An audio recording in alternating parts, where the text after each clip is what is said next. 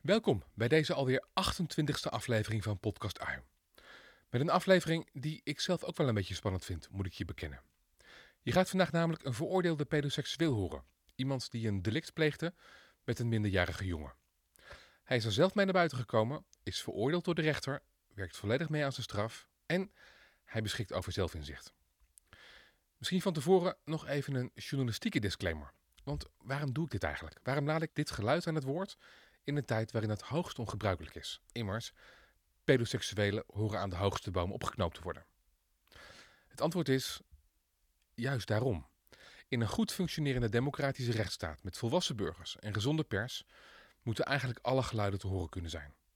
Ook de ongemakkelijke, ook de pijnlijke. In deze podcast laat ik daders en slachtoffers aan het woord, zonder voorkeur, omdat het mij om de geleerde levenslessen gaat. En dan doet de oorzaak er dus niet zo heel veel meer toe. In het gesprek komen trouwens geen expliciete onderwerpen aan bod, toch vraag ik jou om goed op jezelf te passen bij het luisteren naar de aflevering. Roept het te veel in je op? Spoel dan gewoon door naar de volgende aflevering.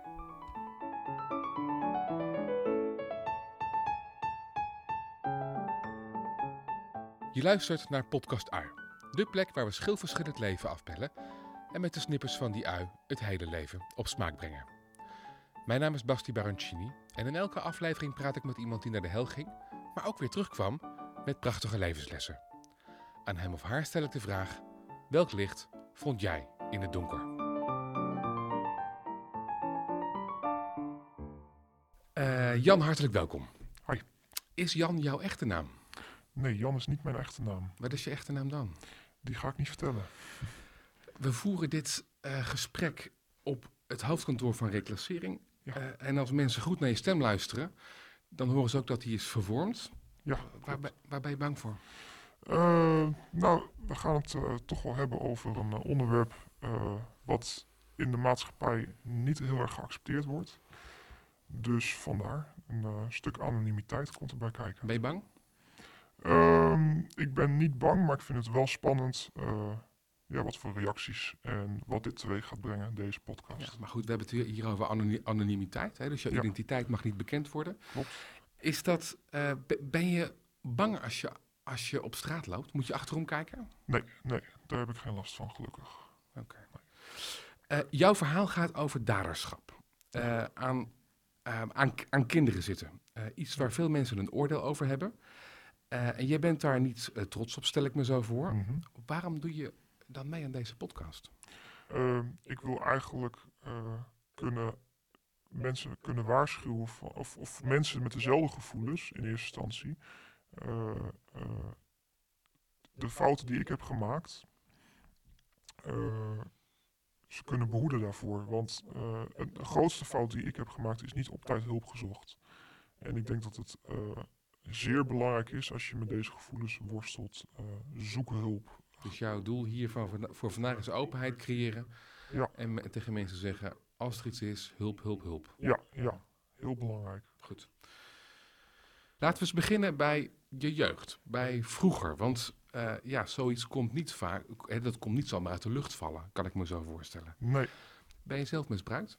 eh, nee, ik ben zelf niet misbruikt. Nee. Kun je eens in een paar zinnen je jeugd schetsen?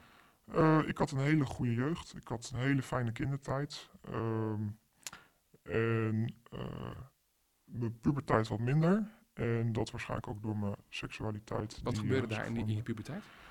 Ehm, nou, ik merkte al wel op vrij jonge leeftijd. eh, nou ja, wat, wat heel veel pubers hebben, op een gegeven moment pornografie op internet gaan ontdekken. Ehm, datzelfde had ik ook. Alleen. eh, Tot dus ja, niks, niks tot afwijkends, Nog nee? niks afwijkends, totdat ik eh, eh, eens een keer kinderporno downloadde. Eh, de titel die ik toen zag, dat was destijds met met peer-to-peer downloaden. via Limeboy, Kazaa, dat kon toen allemaal nog heel makkelijk.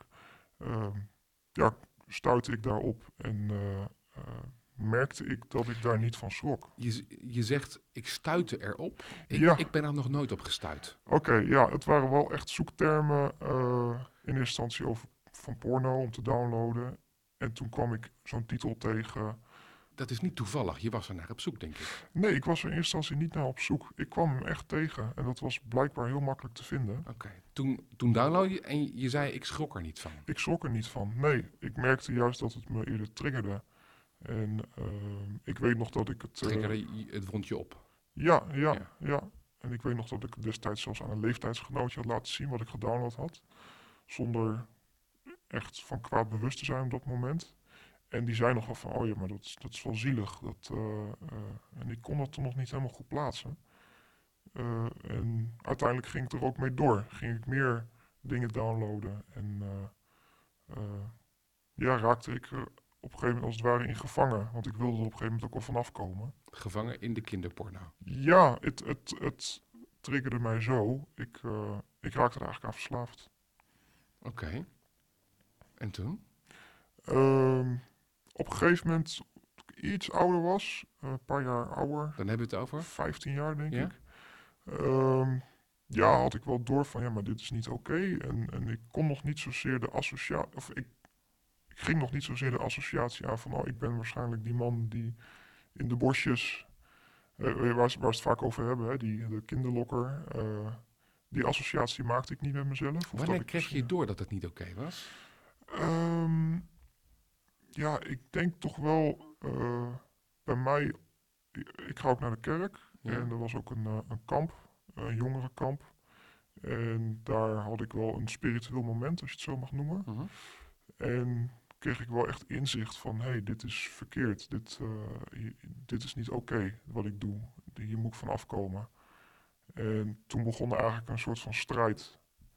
Eh, Een strijd met? een strijd met eh, ja, mijn geweten, denk ik. Met jezelf? Met ja? mezelf. Hoe Dus, vanaf ja, dus je had een neiging, je had een, een verlangen om dingen te, te bekijken. Ja, En je wist, ook door wat daar gebeurd was, dit is niet oké. Klopt. En hoe, hoe, hoe ziet zo'n strijd eruit die in jou? Eh, dat was eigenlijk een, eh, een, een yo-yo effect. De, de ene keer ging het goed, dan kon ik er vanaf komen, bleef ik van, de, van het internet, eh, van de porno af. En eh, het andere moment gaf ik er weer aan toe. En, eh, maar ik had tegelijkertijd wel zoiets van, ja, dit mag niemand weten. Mijn ouders niet, niemand niet.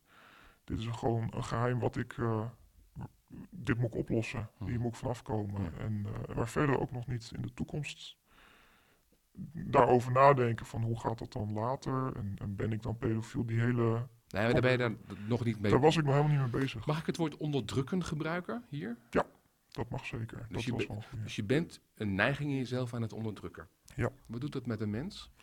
in mezelf gekeerd, terugtrekken. Eh, ik was veel alleen op mijn kamer. Mhm. Ehm, of aan het gamen. Of eh, ja, of, of ik had wel een computer op mijn kamer. Wat eigenlijk ook niet heel handig was. Mhm. Ehm, ja, du- dus, dus veel terugtrekken. Ik, ik was ook niet heel sociaal.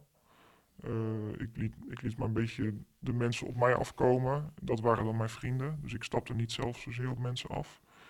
Eh, dacht wel van, hé, hey, eh, dat is wel een leuk meisje. Maar durfde ik ook niet op af te stappen. Maar voelde daar ook niet echt een hele sterke aantrekkingskracht toe. Hm. Dan bijvoorbeeld bij kinderen. Is dit een periode ook van angst? Eh, nee, ik was op de, dat- die, nee, toen was ik niet echt bang. Nee, ik weet nog wel dat ik wel eens artikelen heb opgezocht over pedofilie of mensen die, eh, ja, of, of, of er staan genoeg krantenartikelen, Mhm. ook op internet. En vaak kun je ook wel reacties lezen en die zijn niet altijd even mals. En toen kreeg ik wel... Niet altijd even mals. Hè? Ze moeten opgehangen worden aan de hoogste boom. Ja, nou, ja, dat soort, eh, ja, dat staat er vaak. En dan niet ze, maar eigenlijk kun, je, kun jij dan lezen... Ja. Jullie moeten opgehangen worden aan de hoogste boom. Klopt. Op een gegeven moment dacht ik wel van, oh ja, maar dit gaat ook over mij. Ja. Ik denk dat ik toen al wel iets ouder was hoor. Eh, misschien 16, 17. En dat ik wel door had van, oh ja, dit... Ik weet nu helemaal zeker dat dit geheim moet blijven. Want eh, dit, eh, zo denken mensen over mij. Dus dit is eigenlijk gewoon een... eh, ja, eh, ja, vergeef me alle interpretaties die ik erbij geef... maar Ja. een soort van disconnectie met de wereld. Klopt. Ja, je isoleert jezelf eigenlijk. want ja, je bent toch bang van hey, als het naar buiten komt. Je, je, je ziet allemaal, je hoort van allerlei heksenjachten en, nou ja, en de reacties, maar ook de, de pedojagers. En eh, dat geeft toch zeker wel een bepaalde angst. Goed, dan zijn er, ook als je eh, hè, zo van de jonge puberteit tot de late puberteit, de adolescentie, zijn er ook verliefdheden. Ja. Dat kan niet anders. Ja. Hoe ging dat? Eh, ja, dat begon bij een, een jongen waar ik eens een keer op moest of mocht passen. En ik denk dat ik 17 of 18 was. En die jongen was eh 10 of 11. En ja, daar, daar had ik wel een klik mee. Dat was, eh, en da- daar ontstond wel een, voor hem een vriendschap. Eh, voor mij werd dat meer. Voor mij werd dat echt een, zelfs emotioneel afhankelijk. Ja. Dat is dus niet gezond. Dat is niet gezond. Nee, Als je zeker 17, 18 bent en je wordt emotioneel afhankelijk van een tienjarige. Nee, dat is zeker niet gezond. Nee. Wat, wat als je daar nou op een dieper level naar kijkt, wat, wat gebeurt daar dan? Als je emotioneel afhankelijk van... Eh, ik denk dat, het, eh, dat, dat je dat verliefdheid kan noemen. Eh, ik wilde hem zoveel mogelijk zien. En tegelijkertijd was ik ook bang dat hij ouder zou worden. Want op een gegeven moment word je 14, 13, 14, raak je in de puberteit. En dat was bij mij ook zo. Zodra ze 14 waren, is de aantrekkelijkheid ja, bij mij weg. Ja. Ehm, en daar was ik ook een beetje bang voor. Want ik vond hem heel leuk. Ehm, en ergens ook weer bang van hij wordt ouder. Dus ik wilde hem zoveel mogelijk zien. Ehm, en ik zat hem bijna te stalken eigenlijk. Gewoon als ik hem online zag op uh, nou ja, destijds nog MSN. Ehm, ja, meteen... Uh, is er iets gebeurd tussen jullie? Nee, gelukkig niet. Er is geen delict uh, uit voortgekomen. Uit voortgekomen. Ja. Laten we het hebben over dat waar je voor je veroordeeld bent. Ja. Want je bent veroordeeld, je bent gepakt, veroordeeld. En uh, nou ja, wat is er gebeurd? Uh, het begon bij een, uh, een, vriendschap die ik met iemand had. Weer met iemand anders? Uh, gewoon een, een, leeftijdsgenoot. Ja? En, je was toen een jaar of? Ik denk een jaar of 21, 22. Okay. Een vriendschap met een leeftijdsgenoot? Ja. En op een gegeven moment ontdekte ik ook van... hé, hey, die leeftijdsgenoot heeft een broertje. En uh, dat wist ik in eerste instantie niet. Maar uh, daar kwam ik dus na, uh, naarmate achter. En um, ja, en, en dat broertje, dat, de, ik, ik had nog zoiets van, oh ja, ik moet oppassen. want ik wist, ik was steeds meer bewust van mijn gevoelens. En wat er mis kon gaan. Um, maar het lastige was, dat broertje was ook vrij aanhankelijk, knuffelbaar. En ik was heel snel om. Het jongetje kwam ook, nee, ook, nee, ook, ook, naar jou toe? Ja, kwam ook naar mij toe. -huh. en, uh, um, en, dat ging al vrij snel uh, naar een keertje bij mij oppassen. toen, zodra hij wist waar ik woonde, want ik woonde vlakbij hem. En, en dat hij vaak uit school bij me langskwam. En uiteindelijk logeerpartijtjes. Waren er momenten waarop je dacht, stop, dit moet ik niet doen? Heel veel. Heel veel, ja. Maar? Um, ik, het was nou ja, ook weer een hele grote strijd met uh, mijn gevoel, mijn verlangens. Uh, want het gaf me een intens gelukzalig gevoel. Mensen vergelijken, of ik, ik heb wel eens bij mijn behandeling uh, gehoord dat, je, dat het vergelijkbaar is met heroïne, verslaving. Uh, maar wat was de verslaving in dit geval? Het, je komt in een soort van roes. Wat? De verliefdheid of wat? De verliefdheid, ja. Een -huh. soort van roes. Ook een soort van adrenaline, want je weet ook het mag niet. Ja. Het hoort niet. Uh, maar je gevoel zegt iets heel anders. Ik wil graag een zijstapje met je maken. Ja. Het geweten. Ja. Want je hebt dan, zeg maar, je, je weet wat mag en wat niet mag. Ja. Dat, dat wist je toch? Ja, ik wist drommels goed dat het niet kon. Uh, dus je hebt gewoon ook in jouw jeugd, in je, of in, in dat je ouder wordt, mm -hmm. je hebt leren onderscheiden wat goed en kwaad is. Ja. ja. ja. En hoe moet ik dat dan voor me zien? Dat die twee dingen. Ja, je zegt aan de ene kant een verslaving, ja. een gevoel, en aan de andere kant? Uh, uh, ja, ook wel een, een, een, een, een schuldgevoel. Uh, wat zich ook wel weer uit in depressie. Mm -hmm. En ook drugsgebruik om. om ja, ook nog drugs? Ja, ik heb ook nog aan de wiet gezeten. Dus om ook gewoon mezelf te verdoven, mijn geweten ook te verdoven. Heb je drugs gebruikt inderdaad om je geweten te verdoven? Uh, ja, denk, ik denk dat dat zeker heeft bijgedragen. Ja. Er wordt wel eens, misschien is dat een heel oud beeld, dat weet ik niet, maar uh, ik vind het altijd wel aardig. twee schouders, een engeltje en een duiveltje. Ja. Nou, je zegt dat je gelovig bent, Mhm. dus, dat, eh, dus dit beeld herken je misschien wel. ja, herken ik. Is dit wat het is? Eh, dat is een goeie. Is dat het ook echt? Ehm, Zijn er twee stemmetjes in jezelf? het zijn wel twee stemmetjes. Het was wel... eh, eh, ja, alleen het ene stemmetje, het, het duivelstemmetje was wel dermate zo sterk...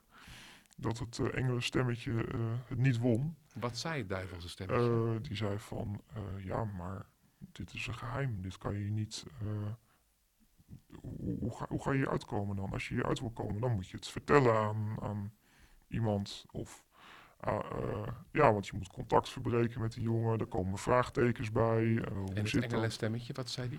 Het enge stemmetje zei van, ja, maar ja, dat, dat kind, dat, eh, dat, die vindt het niet leuk. Eh, die, eh, dit gaat gevolgen voor hem hebben. Eh, en op latere leeftijd heb je ook dikke kans dat hij ermee naar buiten komt. En, eh, eh, nou ja, en, en gewoon, eh, het, Hoe- van, dit is niet oké, En hoe goed. wint dan dat duivelse stemmetje? Eh, de, angst, denk ik. En gepaard met het gevoel van, ik wil dit te graag. Eh, en, een, en een stukje kop in het zand steken. Denk maar niet aan hoe het later zal zijn. Geniet nu maar even van hoe het nu is. Je kop in het zand steken. Gewoon echt letterlijk kop in het zand steken. Is dat dan ook de belangrijkste, zeg maar, de machinatie die er gebeurt? Waardoor dit mogelijk wordt? Nou, ja, je verdooft dus met drugs, Ja, isoleren isoleren en kop in het zand. en kop in het zand steken.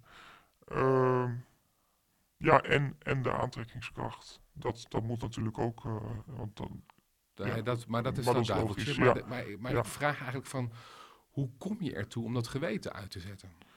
ja, nee, dat, dat, dan zijn het wel die drie punten. Ja, Verdoven met drugs, verdoven, isoleren Isoleren. en... Wat was die laatste? verdoven, isoleren, eh, kop in het zand steken. Nou, die laatste die ken ik ook wel op zich. Ja. ja. Kop in het zand steken. Ehm, dan eventjes weer terug naar wat er gebeurd is. Ja. Eh, hè, je zegt van, ik voelde me aangetrokken tot, tot hem. Er is een enorme strijd in je gaande. Ja. Eh, en dan ontstaan er lo logeerpartijtjes. Ja. Ik denk, ah, doe dat nou niet. Nee, ja, Maar dat is wel wat er is gebeurd. dat is zeker gebeurd. Ja, Wat is daar gebeurd? Ehm, nou ja, ja het, het, het, het, eh, het begon ook een beetje bij masseren en eh, wat ik al zei, hij hield wel van knuffelen. Nou ja, meerdere kinderen houden wel van knuffelen. En die, mas ja, die masseersessies die werden steeds, hoe zeg je dat, intiemer. Steeds meer ook richting zijn eh, eh, intieme delen. En eh, wat uiteindelijk resulteerde dat ik hem zelfs ja, bevredigde. En Wat zei hij daarvan? nou, de eerste paar keren zei hij wel van, nou, waarom, waarom zit je daar? Waarom doe je dat? En, of, en af en toe zei hij ook wel eens, doe, doe niet, stop. En dan stopte ik ook. Ehm, maar dan ging ik de keer dat hij er weer, de, de keer daarna dat hij er was, probeerde ik het dan wel weer. En uiteindelijk was het er een moment dat hij er niks van zei. En toen ging ik door. En eh, toen was er, was eigenlijk eh, weer een, een grens verlegd. Heeft hij dat ook bij jou gedaan? Nee, hij heeft het niet met mij gedaan. En dan gaf hij ook wel heel duidelijk aan dat hij dat ook niet wilde. Dat vond hij heel vies. Is er meer gebeurd? Heb je hem ook verkracht of dat Nee. soort dingen? Nee, ik heb hem ook nooit, eh, ja, hoe zeg je, agressief gedwongen. Het, het, het, ik moet even oppassen dat ik zeg dat ik hem niet gedwongen heb, want in zekere zin heb ik hem wel gemanipuleerd. En eh, eh, telkens een, een, een stukje opschuiven, een grens opschuiven. Eh, maar hij trok wel een hele duidelijke grens bij aan mij zitten. Of het, het was wel echt masturberen en dan was het klaar. En daar bleef het bij. Heb je hulplijnen uitgegooid naar de buitenwereld? Ehm, nou, ik heb eerder. heb Help, ik- help mij. ja, het, het, het, ik heb wel eerder. eh, eh, nog voor het delict. eh, wel eens met mijn ouders. Uiteindelijk met mijn ouders gedeeld. En dat was eigenlijk na die eerste verliefdheid. waar ik het Mhm. kort eh, geleden nog even over had. Eh, op een gegeven moment zat ik echt wel zo er doorheen. dat ik dacht: van ja, ik kan, dit kan niet verder. Ik hou mezelf een moedige stap. Dus je, zegt, je vertelt dat tegen je ouders. Ja. Hoe reageren ze dan? Ehm, ja, eh, wel heel liefdevol. Daar was ik wel heel blij mee. Dus niet afwijzend. Dat was een hele opluchting. Eh, tegelijkertijd was het ook een beetje kop in het zand steken. Want ik weet nog wel dat een maand later mijn pa zei van... Oh, ik heb nog wel een leuk meisje voor je gezien eh, ergens. Dat ik dacht, hè? Maar ik, ik heb toch dit verhaal verteld? Hoe, hoe zit dat dan? Ja. Dus er werd ook niet echt over gepraat. Mag En, ik zeggen dat ik dat niet heel adequaat vind? ja, dat mag je zeggen, ja. Ja. Ja, tegelijkertijd, eh, ja, de keuzes die ik zelf gemaakt heb, die, eh, de, de foute keuzes die ik gemaakt heb, dat zijn uiteindelijk, eh, is wel mijn verantwoordelijkheid. Had het voorkomen kunnen worden als er alle kaarten was Het is heel nobel dat je dat zegt. Hè? Ik draag Ja. zelf de verantwoordelijkheid Ja. en ik geef niemand om mij heen de schuld van wat er is gebeurd. Heel Ja. nobel. Tegelijkertijd heb je wel een noodlijn uitgegooid. Was dit de enige? Eh, nee, ik heb ook een keertje met mijn eh, voorganger van de kerk gepraat. Ja. Eh, dat was zelfs nog voor mijn ouders. Ja. Niet heel kort, dat zat vrij kort op elkaar. Ehm, en ja, mijn voorganger die gaf wel hele praktische, ja, hoe zeg je dat, aanwijzingen. Die zei wel van, joh, ga, ga niet met kinderen werken of ga niet oppassen. Of, Ja. of, of weet je, zorg, en als er überhaupt al een kind ergens, als, als je ja, als er een situatie zich voordoet, zorgen dat er een volwassene bij zit. Ja. Eh, zodat je niet alleen. Nou, dat zijn op zich aardige tips. Maar heeft Dat hij ook gezegd, en, en nu ga je naar een psycholoog en ik ga met je mee? Maar dat heeft hij niet gezegd. Nee. nee. En eh, maar mijn moeder die heeft nog wel gezegd van joh, is het niet een idee om de huisarts te bellen? Ja. Eh, maar ik zei al vrij snel van nou doe maar niet, want dan weet meteen, weet, dan staat het helemaal in het systeem. Die angst was er, hè, dat, dat ineens de politie er vanaf weet Mm. en dat dan alle ogen op mij gericht zijn. Dus dat, dat was meer vanuit een soort van angst. Ehm, ja, dus dat zijn eigenlijk alle hulplijnen die ik toen heb uitge... Goed, dus dan is er... eh, dan gebeuren er nare dingen. Mhm. Je hebt, lijf, hè, je, hebt, je hebt reddingslijnen uitgegooid. Daar is eigenlijk niet... eh, Ja, althans, daar is niks uitgekomen. Nee. En dan? Dan word je gepakt. Eh, gepakt. Nou, Hoe eh, werkt dat? Eh, ik ben niet gepakt uiteindelijk. Het, eh, het, eh, het delict, zeg maar, wat ik gepleegd heb, als we dan weer teruggaan. Ja. Ehm, uiteindelijk kreeg ik een. ik, ik had wel door van ja, ik wil hiermee stoppen. Ik weet, alleen ik weet niet hoe ik eruit moet komen. Uiteindelijk kreeg ik een relatie met een meisje, een leeftijdsgenoot, een Mhm. vrouw. En ja, het was, het was eerst vriendschappelijk, een, een klik. En eh, dat ik dacht, ja, zou het kunnen? Zou, zou ik toch een relatie met een vrouw kunnen hebben? Want ik had ergens ook al een beetje geaccepteerd van ja, waarschijnlijk gaat dat hem niet worden. Ehm, maar eh, ja, die relatie die. die nou, het, werd, het werd uiteindelijk een, een- echt een, een, verkering, een relatie. En eh, dat ik na een paar maanden dacht, ja, maar ik hou haar voor de gek. Ik, ik, ja, straks zijn we getrouwd en dan weet ze dit hele deel niet van Mhm. mij. En ehm, dus toen heb ik haar wel verteld over mijn, eh, ja, mijn pedofiele gevoelens. En daar schrok ze wel van, natuurlijk. Ze was echt wel... eh, eh, dat kwam als een klap binnen. Kan ik me iets- bij voorstellen? dat, ja, dat kan ik me heel goed voorstellen, ja. Dat, ja, je hebt een bepaald beeld van iemand en dat is in één keer kapot. Zeker. Ehm, ze wilde wel met me verder. Eh, want ze wilde wel kijken of het kon. Of, het, of, of een relatie kon, zeg maar, tussen ons. Eh, alleen ze had wel een vraag. Want het viel er wel op dat ik wel vaak met zo'n eh, jongetje had af... ja, die kende zij ook een beetje. ja, afsprak. En ze vroeg al van... Ja, maar heb je, heb je ooit iets met hem gedaan dan? Is er ooit iets gebeurd? Nou, en toen durfde ik dat niet aan. Toen durfde ik niet te vertellen van dat er is iets gebeurd. Ehm, en toen vertelde ze ook al van ja, maar eh, als ik er ooit achter kom dat je iets doet met die jongen, dat er iets, dan breek ik je benen. dat had ze gezegd. Eh, maar, en en eh, nou, toen durfde ik het al helemaal niet meer te vertellen. Ehm, uiteindelijk, maanden later, ook nog aan de ouders verteld van, van haar. En uiteindelijk ook wel de conclusie getrokken van hé, hey, we moeten hulp zoeken. Kijken of of het mogelijk is. En toen heb ik een psycholoog benaderd, eh, die ik via mijn ouders weer ken. Eh, waarvan ik wist, die eh, is ook bezig met. Of, of, Die kan dit, ja? die, ja, die, die heeft er wel ervaring mee eh, op dit gebied. Ehm, ja, contact opgenomen. En eh, eigenlijk de eerste sessie, wat hij al aan me vroeg was, heb jij contact met kinderen? Of spreek jij wel eens af met... eh, nou, ja, en, en dat was dus het geval. En toen zei hij al, de volgende keer dat je hier bent, eh, wil ik dat je het contact verbreekt. Of verbroken hebt. Anders gaan we niet verder. Dus dat was een hele duidelijke eis. En toen zat ik echt eventjes op een, hoe zeg je dat? Een, een, een, een crossroads of een, twee... eh, je kon linksaf, ik kon rechtsaf, ik kon doorgaan met waar ik mee bezig was. Of ik kon nu inderdaad die stap zetten en eruit komen. En ik ben heel blij dat ik die laatste keuze heb gemaakt. Want je hebt... Ik heb, eh, nou ja, ehm, hij vroeg eigenlijk nog op dat moment: hey, is er ook iets met dat jongetje gebeurd waar je mee hebt afgesproken? Eh, toen zei ik ook nee. En toen de volgende ochtend dacht ik: ja, maar ja, ik moet contact verbreken. Vraagtekens, eh, er gaan vragen komen. ehm, eh, ja, hoe, ga ik, hoe ga ik hier uitkomen? Heb En- je het uiteindelijk opgebiecht? ik heb uiteindelijk mijn psycholoog opgebeld en gezegd van ja, er is wel iets misgegaan. En hij was er al bang voor. En toen vroeg ik al, ja, wat moet ik doen? Ik weet niet wat ik moet doen. En hij zei, eh, het enige wat je kan doen is eh, de waarheid aan het licht brengen. En de consequenties onder ogen zien. Mhm. En dat was keihard voor mij op dat moment. Maar wel het beste advies, denk ik, wat ik ooit in mijn leven heb gekregen. De waarheid aan het licht brengen. en Ja, De consequenties onder ogen komen. ja, ja. Gaan we eventjes fast forward in het verhaal. Ja. Dan ploft er een brief op de deurmat of een telefoontje, dat weet ik niet, van de politie. En die zeggen, we willen met je praten. Ja.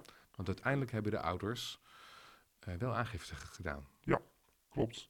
Een jaar lang niet. Hoe verloopt zo'n gesprek met de politie? Eh, Lijkt me ingewikkeld. Ze geven je in die hand, je gaat zitten en dan. Ja, nou, ik, Poeh. weet, ik weet dat ik nog helemaal zat te strukkelen met blowen. En, eh, dus dat is misschien even goed om erbij te vertellen. Dat ik na de aanloop van het eh, gesprek met de recherches eh, niet zo goed wist wat ik moest zeggen. Want ik, ik wist ook van... Ja, ik zat nog steeds te worstelen ook met, met kinderporno. Het contact met de jongen was natuurlijk verbroken. Mhm. Maar dat deel had ik nog.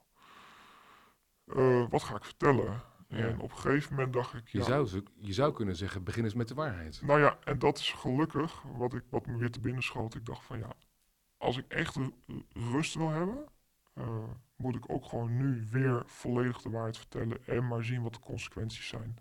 En dat heb ik eigenlijk ook weer gedaan. Dus je zit daar aan Ja. zo'n tafeltje met één of twee rechercheurs, kan ik me zo voorstellen. Ja. En dan vertel je gewoon alles wat er is gebeurd. Alles, tot in de details, alles, mijn hele verhaal. eh, en, Is eh, dat echt zo of heb je dingen achtergehouden? Ik heb niks achtergehouden. Nee, Je hebt alles verteld. Ja.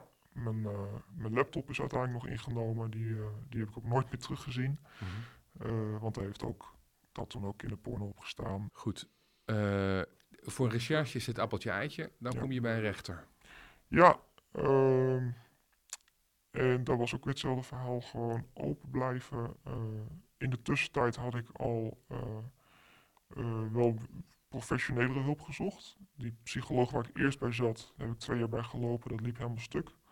Wat is professionele hulp? Eh, echt forensische hulp bij een instelling. En er zijn er genoeg in Nederland. We- we- we- heb je het dan over hulp spe- eh, speciaal gericht op, Ja, op seksuele pro- problemen, zeg maar? ja op grensoverschrijdend gedrag. En dan in dit geval seksueel. ja.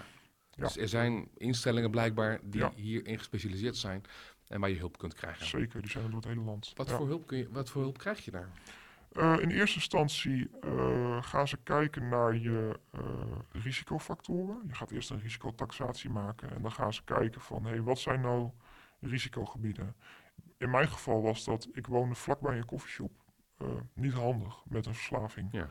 Ehm, ik had een computer in huis. Eh, ehm, nou, dat waren sowieso al dingen waar ik aan kon werken. Ik heb dat uiteindelijk Dus dat wil zeggen verhuizen naar een plek waar geen koffieshop is? Ja, uit de buurt van een koffieshop, dat, Ja. eh, om de drempel te En die verhogen. computer, die heb je toch Die- nodig of Die niet? computer, eh, die heb ik naar een openbare werkplek eh, verhuisd. Want ik ben zelf wel ondernemer. Ja. Ik laat even achterwege wat het dan precies is. Ja? Maar dat ik een openbare werkplek heb waar dus gewoon zicht is op mijn computergebruik. En thuis? En thuis, en thuis niks. Ja, maar dan heb je een telefoon. Ja, ja, daar heb ik nu weer andere middelen voor. Een appje die eh, mijn browsergedrag eh, controleert. Dus ook gewoon willekeurig screenshots maakt van mijn browseractiviteit. En dat dan doorstuurt naar, nu in dit geval de reclassering, waar ik ook weer zelf mee ben gekomen. Dus eventjes, je hebt een telefoon die screenshots maakt Ja. van, jou, van, van, van wat je doet. Ja. En stuurt dat door aan reclassering. Oké, kun je een tweede telefoon nemen? Kan, dat kan, ja. Het is eh, ook op basis, ja nee, kijk, weet je, het is zo, als het, als Waarom zou ik je geloven? Dat is het een beetje. Dat is een goeie, ja. Kijk, het is inderdaad zo, als ik wil, dan krijg ik echt wel voor elkaar om weer illegaal kinderporno Ja, op een apparaat te krijgen. Het is eerder zo, hoe hoger de drempel is, hoe minder makkelijk het gemaakt wordt. Dus, eh, wat ik zei, kijk, als er een computer bij mij gewoon in huis is en ik voel de verleiding, dan is de stap heel snel gezet. als je naar een openbare werkplek moet, dan... Ja. En dat sowieso openbare werkplek is ook niet heel f- top omgeving volgens mij. Ja. Dus, ehm, eh, ja, dus zoveel mogelijk drempels. Er is altijd, waar een wil is, is een weg. Dat is altijd zo. We hadden het over psychologische zorg, over die Ja. gespecialiseerde zorg. Ja. Risicofactoren in kaart brengen Ja, en dan? Eh, nou dat heeft dus al heel erg geholpen door die maatregelen te nemen. Ehm, en even kijken, Wat, dan wat moest je in jezelf aankijken? in mezelf aankijken eh, tijdens het traject, zeg maar. Ja, want ik, ik kan me voorstellen dat je, dat, hè, dat je zo'n traject ingaat en erachter komt. Fuck, ik heb wat achterstallig onderhoud Ja, te plegen aan mezelf. daar kom je zeker achter. Dus waar kwam je achter? Eh, ten eerste eh, moest ik ook afrekenen met verslaving van cannabis. Ja, Maar tegelijkertijd ook verslaving van kinderporno. ja dat is ook, dat, maar dat zijn voor een deel is dat gewoon verslavingszorg. Het is verslaving, daar zit natuurlijk iets achter. Precies. en, ja. wat, en wat moest je in jezelf aankijken? Ehm, ik denk een stuk coping, eh, een stuk ontevredenheid met mezelf. eh, kijk, als, als ik me dan ongelukkig voelde, depressief, naar eh, wilde ik me gelukkig voelen. Nou ja, dat is ook weer dat stukje verslaving. Dan, ga, dan grijp je naar middelen. Ehm, en eh, ja, dus, dus dat is het vooral geweest. Een stuk hoe, hoe deel je met moeilijke situaties in het leven. Ben je ziek? Ben ik ziek? Eh, nee, dat geloof ik niet. Wat is pedofilie? Pedofilie, ik geloof dat het een aantrekkingskracht is naar kinderen. eh, seksuele aantrekkingskracht naar kinderen. En dat kunnen jongens zijn, dat kunnen meisjes zijn. Als het onder de categorie, wat zal het zijn? 12 jaar jonger of misschien nog iets ouder. Is het een afwijking? Eh, ik denk dat het, ja, ik denk wel dat het een afwijking eh Ik denk het. mag worden. Ja. Het, het, het staat volgens mij gewoon in de DSM-5, toch of niet? Oh, dat zou kunnen. Dat zou best kunnen. Het, eh, nee, het is zeker wel een afwijking. Het is niet de norm, nee. Nee. Um, uh, maar het is geen ziekte, zeg je. Nee, Wa- waarom wil je het niet zo noemen? een ziekte kan je genezen. Althans, eh, Nou, je hebt Nou, niet alle Je hebt ziektes, ook maar- ongeneeslijke ziektes. die heb je ook. Maar eh, nou, ik denk eerder, het is, het is een soort van, eh, hoe zeg je dat? Achillespees. Een, eh, een zwakte waar je mee om moet leren gaan. Een zwakte. En eh, ja, Zoals je een zwakke rug kunt hebben. Of, een, of, of zwakke darmen. Ja. Kun je ook een zwakke? ja Wat? alleen dit heeft een, meer... Een zwak geweten? Of een, Een, eh, een zwakke geaardheid? Je hebt, de ene heeft bijvoorbeeld gevoelens voor vrouwen, de andere heeft gevoelens voor mannen. Heeft niet zulke erg consequenties. Althans, volgens mij niet. Ja, ja, ja. ja. Eh, voor kinderen kan dat wel zo zijn. En eh, het is bij mij juist extra belangrijk dat ik daarmee om leer gaan. Op de goede manier. Mhm. Want als ik dat niet doe, en dat hebben we nu ook in het verleden gezien met mijn delict, eh, heeft dat hele ernstige gevolgen. Ja. En dat zie ik meer als mijn, eh, eh, mijn zwakte. Van eh, als ik er niet bovenop zit, dan kan Dan het is de verleiding gewoon heel erg groot. Ja, ja. Eh, goed. Eh, schuld. Dat heb jij. Ja. Je hebt schuld. Hoe kijk je daarnaar? Ehm, ja, ik heb iets gedaan wat niet zo te herstellen valt. Althans, ehm, ik heb iets gedaan eh, bij het slachtoffer waar die de rest van zijn leven mee moet dealen. Ja. Is dat iets wat aan jou knaagt? Eh, eerst wel heel erg, eh, nu steeds minder. Eh, uiteindelijk, eh, even heel bot gezegd, moet je wel door met je leven.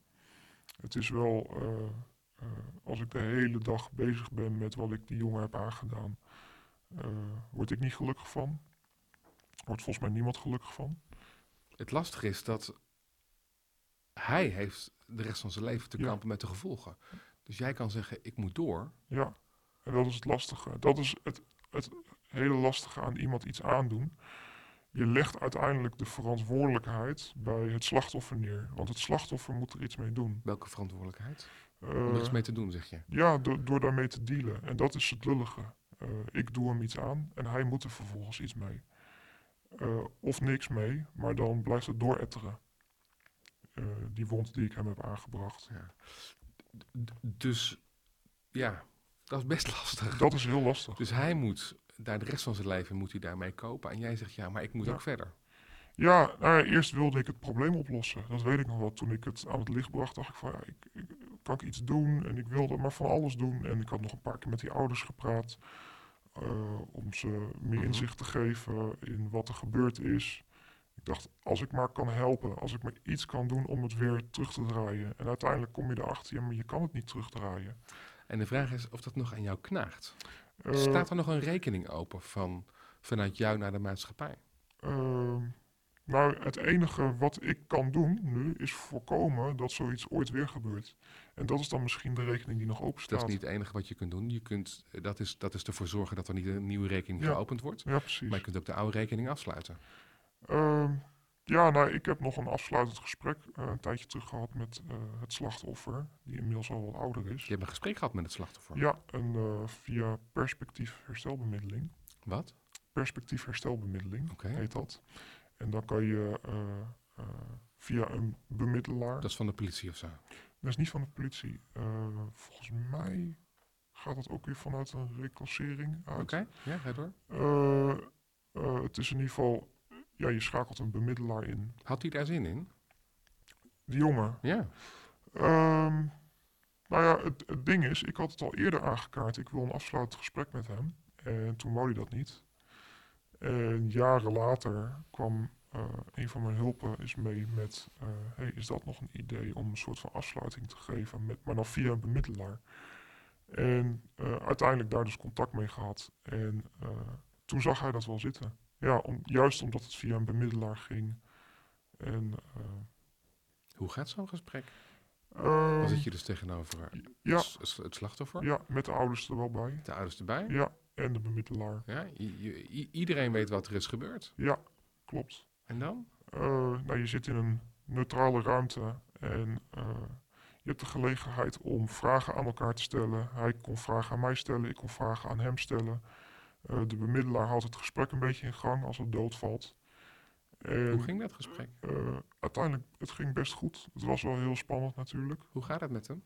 Ehm, dat is een lastige vraag, want de antwoorden die hij gaf, liet hij wel, zei hij wel van ja, het gaat goed met me, ik heb er niet zoveel last meer van.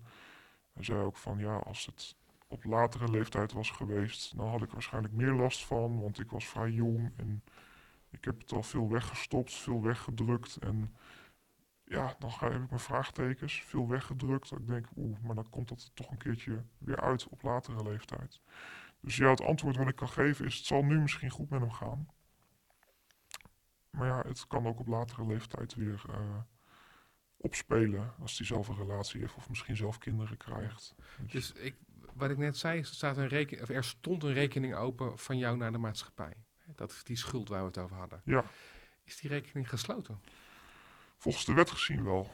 Want, Eh, ik heb wel een straf gekregen ja, van de rechter. ja, je hebt korter dan een week in de gevangenis gezeten. Ik heb ja, zeker Ja. heel kort in de gevangenis gezeten. Eh, dat, dat, dat knaagt misschien wel. Dat, Eh, eh, ik kan me goed voorstellen, ja, ik heb zelf ook mm, korter dan een week.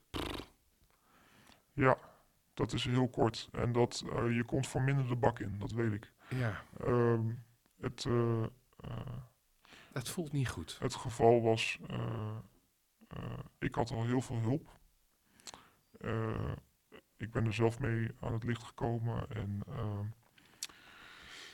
het ding was eh, bij de rechters ook van als ik nu in, in een gevangenis, een langdurige gevangenisstraf zou krijgen, de vraag was, kom ik daar beter uit? Eh, aangezien ik al zoveel hulp had aangepakt en ehm, mijn advocaat die beroept zich ook op mijn herstelrecht. Ja. En dat schijnt ook iets nieuws te zijn. Het recht om te herstellen. Eh, het doet absoluut niet af aan hetgeen wat ik gedaan heb, de straf zelf. Eh, ik heb wel een hele rits voorwaarden. Eh, ik word nou, voorlopig nog even flink onder toezicht gehouden. Door. De reclassering. Ja. ja, Dus die hebben toezicht op jou. die hebben toezicht op mij. Dus er hoeft maar, ja. Slik ik- je bijvoorbeeld ook medicijnen? Van dat soort chemische... Heb ik een tijdje gedaan. Heb ik een tijdje gedaan. Ehm, ik heb eerst echt wel het meest extreme geslikt. het klinkt alsof het vrij, vrij, vrijwillig is. Ja, dat was vrijwillig. Ja, ja. Dat wilde ik wel aangaan. Ik wilde dat proberen. En eh, het, het, le- het legt de hele, hele zaak droog, letterlijk. Ja. Eh, alleen het nadeel is, is dat je, eh, dat- dat ervaarde ik, ik had mijn hele drift in alles was weg. Ik sleepte me elke dag vooruit Door de dag heen. door de dag heen en had geen energie. En eh, dat ik dacht, ja, maar dit is ook geen leven. Het, Het- was heel fijn dat die drift weg Het was was. vrij effectief, maar iets te effectief. Het was iets te effectief, ja. Moet luisteren, er is een beeld in deze maatschappij over pedofielen en die is nou niet bepaald positief. Ik wil je graag een, stuk, een stukje audio laten horen Ja. uit een andere hele goede podcast, Daders van NPO Radio 1. Mhm. Je hoort Willeke en zij heeft een man vermoord die haar dochter had verkracht. Ik zeg, de eerste, de beste die nog ene keer met zijn handen aan mijn kind komt, snij ik het hart uit zijn lijf. Drie jaar later gebeurde dit, helaas. Hij gaat eraan. Met er, eraan gaan van ik, ik ga... Dan ga je dood, ik maak je af. Desnoods bijt ik je strot door. Zo ver was ik op dat moment. Ik heb het gevraagd aan hem. Ik zeg, heb jij afgelopen dinsdag, ik zeg, met je klauwen mijn dochter gezeten? Ja, zegt hij, dat zal nog wel gebeuren. Hij zegt, kan ze er ook overheen groeien? Dan word ik opgebeld. Dan komt er een van de jongens, die kwamen. Die is aan het zoeken gegaan. En naar de keuken, ben naar de keuken gelopen, ik heb een mes gepakt. En uiteindelijk is die heel veel keren neergestoken. Op het moment dat ik aan het steken was, toen heb ik gelijk. Ik wilde maar één ding: alle pedofielen stoppen. Alleen nog dat heb ik niet gedaan op die avond. Kun je dit sentiment in de maatschappij voorstellen? Zeker, zeker. Zeker ook, eh, ja, die pedofiel die die dan vermoord heeft, die had volgens mij zelf ook helemaal nul schuldbesef, berouw. Of En een veel ernstiger daad dan wat jij hebt gedaan. Dus dat is, dat het is gaat al, eventjes om het sentiment. ja, het, Begrijp je dat? ja het, eh, ik begrijp het zeker. Het, eh, het is een heel gevoelig, ja, ik, kan me wel inleven, i- denk ik, eh, in de maatschappij in die zin van, ja, kinderen zijn onschuldig en eh, eh, zelf heb ik niet beseft hoeveel impact het heeft gehad doordat ik mijn kop in het zand stak. Maar het heeft heel veel impact. Wat doet het met jou om dat te horen? Eh, ja, ik vind het heftig. Ik vind het heel heftig. Schrik je ervan? Eh, nee, ik weet dat dit speelt. Er is wel een trend, hè, ook de pedojagers de laatste tijd, Ja. hè, van deze mensen, en met deze mensen bedoelen ze dan eigenlijk ook jou, Ja. die mogen er eigenlijk niet zijn in deze maatschappij. Ja, ja. Eh, ik, ik denk zelf ook om. eh, omdat eh, er een soort van angst is van. Ja, angst is gewoon boosheid. Ja, boosheid, maar ook angst van. Hé, hey, maar die woont. Als, wat nou als die in je wijk woont? Kijk, als, zodra. er ook maar één iemand weet dat er een pedofiel in zijn wijk woont. eh, dan moet hij weg. En, eh, maar waar moet diegene daar dan naartoe? Dus dat is ook een soort van angst van dat er iets misgaat. Jij bent christen. Ja. Eh, ben je nog steeds actief in die gemeenschap? Ja. ja. Ja. In het geloof speelt vergeving Ja. een belangrijke rol. Ik krijg daar altijd enorm veel jeuk van. Ja. Van vergeving. Je hebt iets ergs gedaan, maar dan vergeef ik je en dan is het weg. Ja, nou, zo werkt het eh, niet, inderdaad. Helaas wordt dat in de kerk vaak wel zo gedacht. En dan ga je er een beetje boven staan. Ik vergeef jou. Ja, en dan is het een beetje om tapijt uh, vergeven. Ja, het, niet onder, het, ook, het, het, het, het ook niet onder ogen komen. Ja, precies, precies. En dat is ook wel de reden waarom ook de ouders uiteindelijk aangifte hebben gedaan. Ze hadden wel zoiets van, ja, we, we- zijn bereid je te vergeven. Dat zei, daar begonnen ze in eerste instantie mee. We zijn bereid je te vergeven. We vergeven je niet in eerste instantie. Dat vond ik al heel goed. Ik dacht, dat moet ook niet te snel. Ehm, en eh, ik denk ook dat het een proces is. Eh, Wat, ja, wat, wat, wat is vergeving? ehm, het je niet aanrekenen. Het op een gegeven moment op een punt kunnen zeggen van ik het, het is gebeurd, ik reken het je niet meer aan. We gaan verder. Eh, het is niet vergeten, want dat is niet hetzelfde. Vergeven is niet vergeten. Ehm, ja, en we gaan door. We, we, gaan, eh, we gaan er een punt achter zetten. En eh, ik pak mijn verantwoordelijkheid, jij pakt jouw verantwoordelijkheid. Maar dat is toch veel belangrijker uiteindelijk? Verantwoordelijkheid nemen? Ja. Verantwoordelijkheid ne- nemen is toch veel belangrijker dan vergeven? Ja, maar misschien is dat, ik denk dat het ook wel heel erg samenhangt met vergeven. Kijk, je kan natuurlijk, als iemand iets aangedaan heeft, altijd wrok op diegene koesteren. Maar dan ben je nog steeds met die persoon bezig. En als Ja, jij dan kun je zeggen, nou, ik scheld je alles kwijt wat je... ja, of ik ga je vermoorden, of ik ga je eh, elke keer als ik op straat zie. Nou ja, eh, goed, maar dat is geen vergeven. Vergeven is de schuld kwijtschelden. Dan, dan doen we net alsof het er niet meer is. nee, dat maar, niet. maar verantwoordelijkheid nemen, dan sta je in je kracht. Ook, Ja. als, ook als dader. Ja. Nee, maar ik, precies. Maar ik denk dat, ik, ik, ik koppel dat wel aan vergeven. Want? Eh, nou ja, ik, ik, ik proef een beetje dat jij nog de associatie hebt van vergeven is vergeten en het is niet meer gebeurd, maar het is wel gebeurd. En, en zo zie ik vergeven ook. Het is wel gebeurd, alleen ik, wat ik zeg, ik reken het je niet meer aan. Ik koester geen wrok meer eh, voor hetgeen wat je hebt aangedaan. Hoe is het voor jou om vergeven te zijn? Eerst kon ik het eh, niet aannemen, Ehm, Hoezo niet? omdat ik zelf nog dacht van ja, maar ik heb iets verschrikkelijks gedaan. Hoe kan je me dit vergeven? En ook misschien wel denken, ga je er niet een beetje te makkelijk mee om nu? Ehm, uiteindelijk heb ik het wel eh, ja, naast me neer kunnen leggen. In de zin van, ik, ja, wat ik zei, ik moet door. Ik, ik pak mijn verantwoordelijkheid. Eh, ik doe er alles aan eh, dat dit niet meer kan gebeuren, gaat gebeuren. En eh, wat gebeurd is, is gebeurd. Daar kan ik niks meer aan doen nu. Ja. Ik kan het niet meer terugdraaien. We hebben het gehad over maatregelen die genomen zijn. Ja. eh, om te voorkomen dat, je, eh, hè, dat het eh, nog een keer gebeurt. Eh, je hebt een aantal veranderingen in je omgeving aangebracht. Je staat onder verscherpt toezicht. Mhm. Hoe lang is dat nog? Eh, nog zo'n drie jaar. Oké. Ja. Eh, zijn dat, eh, dat zijn voor een deel gewoon ingrijpende maatregelen Mhm. eh, in je leven, kan ik me zo voorstellen. Dit soort processen kenmerken zich ook vaak door eh, twee stappen vooruit en één achteruit. Heb je te maken met terugvallen? Ja, die heb ik in het begin. Ja, af, de terugvallen worden steeds kleiner, laat ik het zo zeggen. Maar die zijn er nog wel. Ja, zeker. Ik ben nog niet helemaal. En zit je dan aan kinderen? Of Nee, wat dan? De maatregelen zijn sowieso geen contact met kinderen. En, eh, eh, dus dat, dat is sowieso niet het geval. Eh, in mijn geval zijn de terugvallen nu dat ik bijvoorbeeld wel eens fantaseer over kinderen. bij bijvoorbeeld zelfbevrediging. En als dat, Is dat een terugval? ik zie, ja, ik wil daar helemaal vanaf. Ik wil daar echt, want ik wil zo min mogelijk die gevoelens voeden. Ehm, dus hoe minder ik dat doe, hoe minder ik iets voed, hoe minder eh, het groeit, ben ik wel van overtuigd. Wat helpt jou nou het allermeest om niet terug te vallen? Eh, heel veel dingen. En die, eh, ja, echt, echt wel een aantal dingen. Ehm, geen drugsgebruik, want Ja. dat sust mijn geweten. Ook ben ik helemaal van de alcohol af, want in het begin, eh, als ik dan weer van Ja, dus alle verdoving was, weg? alle Ja? verdoving weg. Gewoon helemaal g- nul, 0, komma niks, geen druppel alcohol, geen druk, ja, helemaal niks. Ehm, even kijken, openheid, eh, ook naar mijn vrouw. Ehm, en eigenlijk spreek ik ook met haar af elke keer als ik gefantaseerd heb of, eh, of, of ik word getriggerd of dat ik het met haar bespreek. Ja, want je hebt een vrouw. Ik heb een vrouw, ja. Dat klopt. Sinds? Sinds, een eh, nou nog niet eens zo heel lang. Ik ben eh, pas getrouwd. Maar hoe is, dat, hoe, hoe, is dat voor haar om dit te- te weten?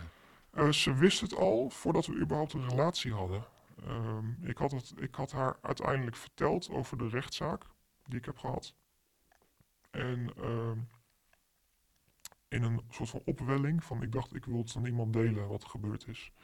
En ik kende haar al een beetje. En ik vertrouwde me wel bij haar. eh, en, eh, En toen dacht ze, ja, dat is een leuke vent om... ja, zij zag mij sowieso al zitten. En eh, al, al eerder, voordat het hele delict, of voor, voordat de hele rechtszaak speelde. Eh, maar ja, ik had zoiets van, ja, nee, dat, dat, dat, ik heb nu te veel aan mijn hoofd. Hoe En, kijkt zij naar jou? Dit moet voor haar ook Ja. verschrikkelijk zijn. het, ze En, wist, de- en ja. dat jij bij haar gaat opbiechten dat je weer aan kinderen hebt gedacht. Als het een keer Oh, voorkomt. ja. ehm, nou, dat vind ik heel bijzonder en mooi aan haar. Ze zij stelt openheid eh, meer voor, ja, vindt zij belangrijker dan hetgeen wat er gebeurd is. Of als ik gefantaseerd heb. Ehm, ehm, ja, ik moet even oppassen dat ik nog geen mensen voor het hoofd ga stoten. Maar eh, ze, ja, zij is er ook al van overtuigd van... hey, de ene die worstelt met een pornoverslaving... En, of die kijkt iets te lang naar andere mooie vrouwen... terwijl die getrouwd is. En jij hebt dit. Ik heb dit. Ja, Het, het, het, eh, eh, ja, het gaat goed tussen jullie. ja gaat heel goed. Ja, je bent Ja. getrouwd. Ja. Ja, een mooie stap in je leven. Zeker. Kan ik me zo voorstellen. Ja. Wil je kinderen? Weet ik nog niet. Eh, ik weet wel dat zij geen kinderen wil. En ik heb wel tegen haar gezegd van... joh, mm, ik zou niet naïef zijn. We zijn pas getrouwd. Over een paar jaar zijn we gesetteld. Je weet niet hoe je er dan in staat. Tegelijkertijd is een besef... oud Nederlands spreekwoord dat zegt je moet de kat niet op het spek Ja, nee, precies, precies. Is dat slim voor jou om kinderen te krijgen? Eh, dat weet ik nog niet. In eerste instantie denk ik nog niet. Nu sowieso niet. Nu ben ik er absoluut nog niet klaar voor. Ik weet niet hoeveel ik mezelf onder controle heb over een x aantal jaar. Want ik krijg nog heel veel hulp, behandelingen. En als het überhaupt ter sprake komt, zouden we ook zeker ehm, eerst overleggen met een, eh, een professional in de forensische zorg. En kijken of het mogelijk is en zo ja, wat voor maatregelen moet je nemen. Kun je je voorstellen als ik denk, doe het nou niet? Ik kan het heel goed voorstellen, ja. Waarom overweeg je het überhaupt? Omdat het toch iets, ik geloof wel dat het iets heel moois is. Als je het met de juiste bedoelingen doet. En ehm, eh, tegelijkertijd, ja, het, het, is, het is iets waar ik ook nog niet helemaal over uit ben. En dat is het lastige. En ik denk met een bepaalde houding kunnen we daar de juiste keuze in maken. Door er open over te praten en niet maar zeggen het gebeurt niet. Maar eh, Dan schat je ook je eigen eh, vermogen om te leren, te groeien, om jezelf in controle te houden, schat je heel hoog in. Ja. Misschien is dat terecht hoor, maar Ja, nee, dat schat ik. Ik geloof dat iedereen kan groeien. eh, eh, bepaalde dingen zullen niet mogelijk zijn. Misschien kom ik er later achter. hey, dit moet ik echt niet doen. Je maakt het jezelf alleen maar er moeilijker. zijn ook mensen die zeggen, een mens verandert niet als die groter wordt, die wordt alleen maar nog meer zichzelf. Ja. Maar wat is jezelf dan? Ja. Dat kun je afvragen. Ja. In deze podcastreeks komen regelmatig slachtoffers aan het woord. Eh, slachtoffer van de holocaust, van een ziekte, van een miskraam, et cetera. Jij bent een dader. Ja. En je gaat er ook helemaal voor staan. Je doet er niet stoer over, maar je maakt het ook niet kleiner dan, het, dan Mhm. dat het is. Als ik naar jou luister, eh, dan kijk jij het beeld, of dan, dan kijk jij het beest eh, echt helemaal in de bek. Ja. Is dat moeilijk? Ehm, ja, eerst wel. Eerst stak ik mijn kop in het zand. En ging ik, niet aan, ging ik überhaupt niet aan dat labeltje van... hé, hey, ik zal wel pedofiel zijn. Hoe moeilijk is het nu om helemaal onder ogen te komen? Niet kleiner, niet groter, niet in het drama zitten, maar gewoon, Ja, nee, ik sta er zo in. Het is zoals het is. En eh, ik ben een dader. ik ben een dader. En dan loopt een slachtoffer rond Ja. voor de rest van Ja. zijn leven. Klopt. En dat heb ik op mij te dragen. Dat heb ik inderdaad te dragen. En zo, zo sta ik er inderdaad in. Ja. En daar heb ik mee te dealen. En eh, Hoe doe je dat? ehm, ja, eigenlijk wat ik al eerder besprak. Ik neem mijn verantwoordelijkheid. Ik leid mijn leven. eh, af en toe denk ik er nog wel eens aan, natuurlijk. Van hé, wat er gebeurd is. Eh, maar dan weet ik ook alweer heel snel, ja, haast te relativeren. Het is gebeurd. Ik kan er niks aan doen. Meer. Nu niks meer aan doen. Ehm, Dat is wat het is. dat, het is wat het is. Ja. Jan, dankjewel.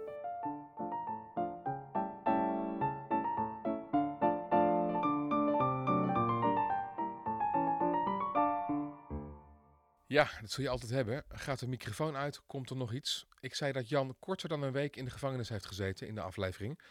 en dat ik dat wel erg weinig straf vond. Na afloop corrigeert Jan mij en zei dat er nog een jaar voorwaardelijke celstraf bij zit, met een proeftijd van vijf jaar. De rechter heeft daar ook een aantal bijzondere voorwaarden aan gekoppeld, waaronder toezicht door de reclassering en een behandeling. Dat is dus allemaal onderdeel van de straf waar hij nu middenin zit. Goed, dat voor de volledigheid dus. Daarnaast is het goed om te weten dat als je zelf met vergelijkbare gevoelens worstelt of je zorgen maakt om, je, om een naaste, je anoniem kunt bellen met Stop It Now. Hun nummer is te vinden op stopitnow.nl of kijk in de show notes voor meer informatie en een linkje. Volgende week is het tijd voor poëzie. Je hoort dan dichter Jesse Laporte, die bij Vlaga nogal worstelt met het leven. Meer van Jesse hoor je volgende week, zoals altijd op vrijdagmorgen. Tot dan.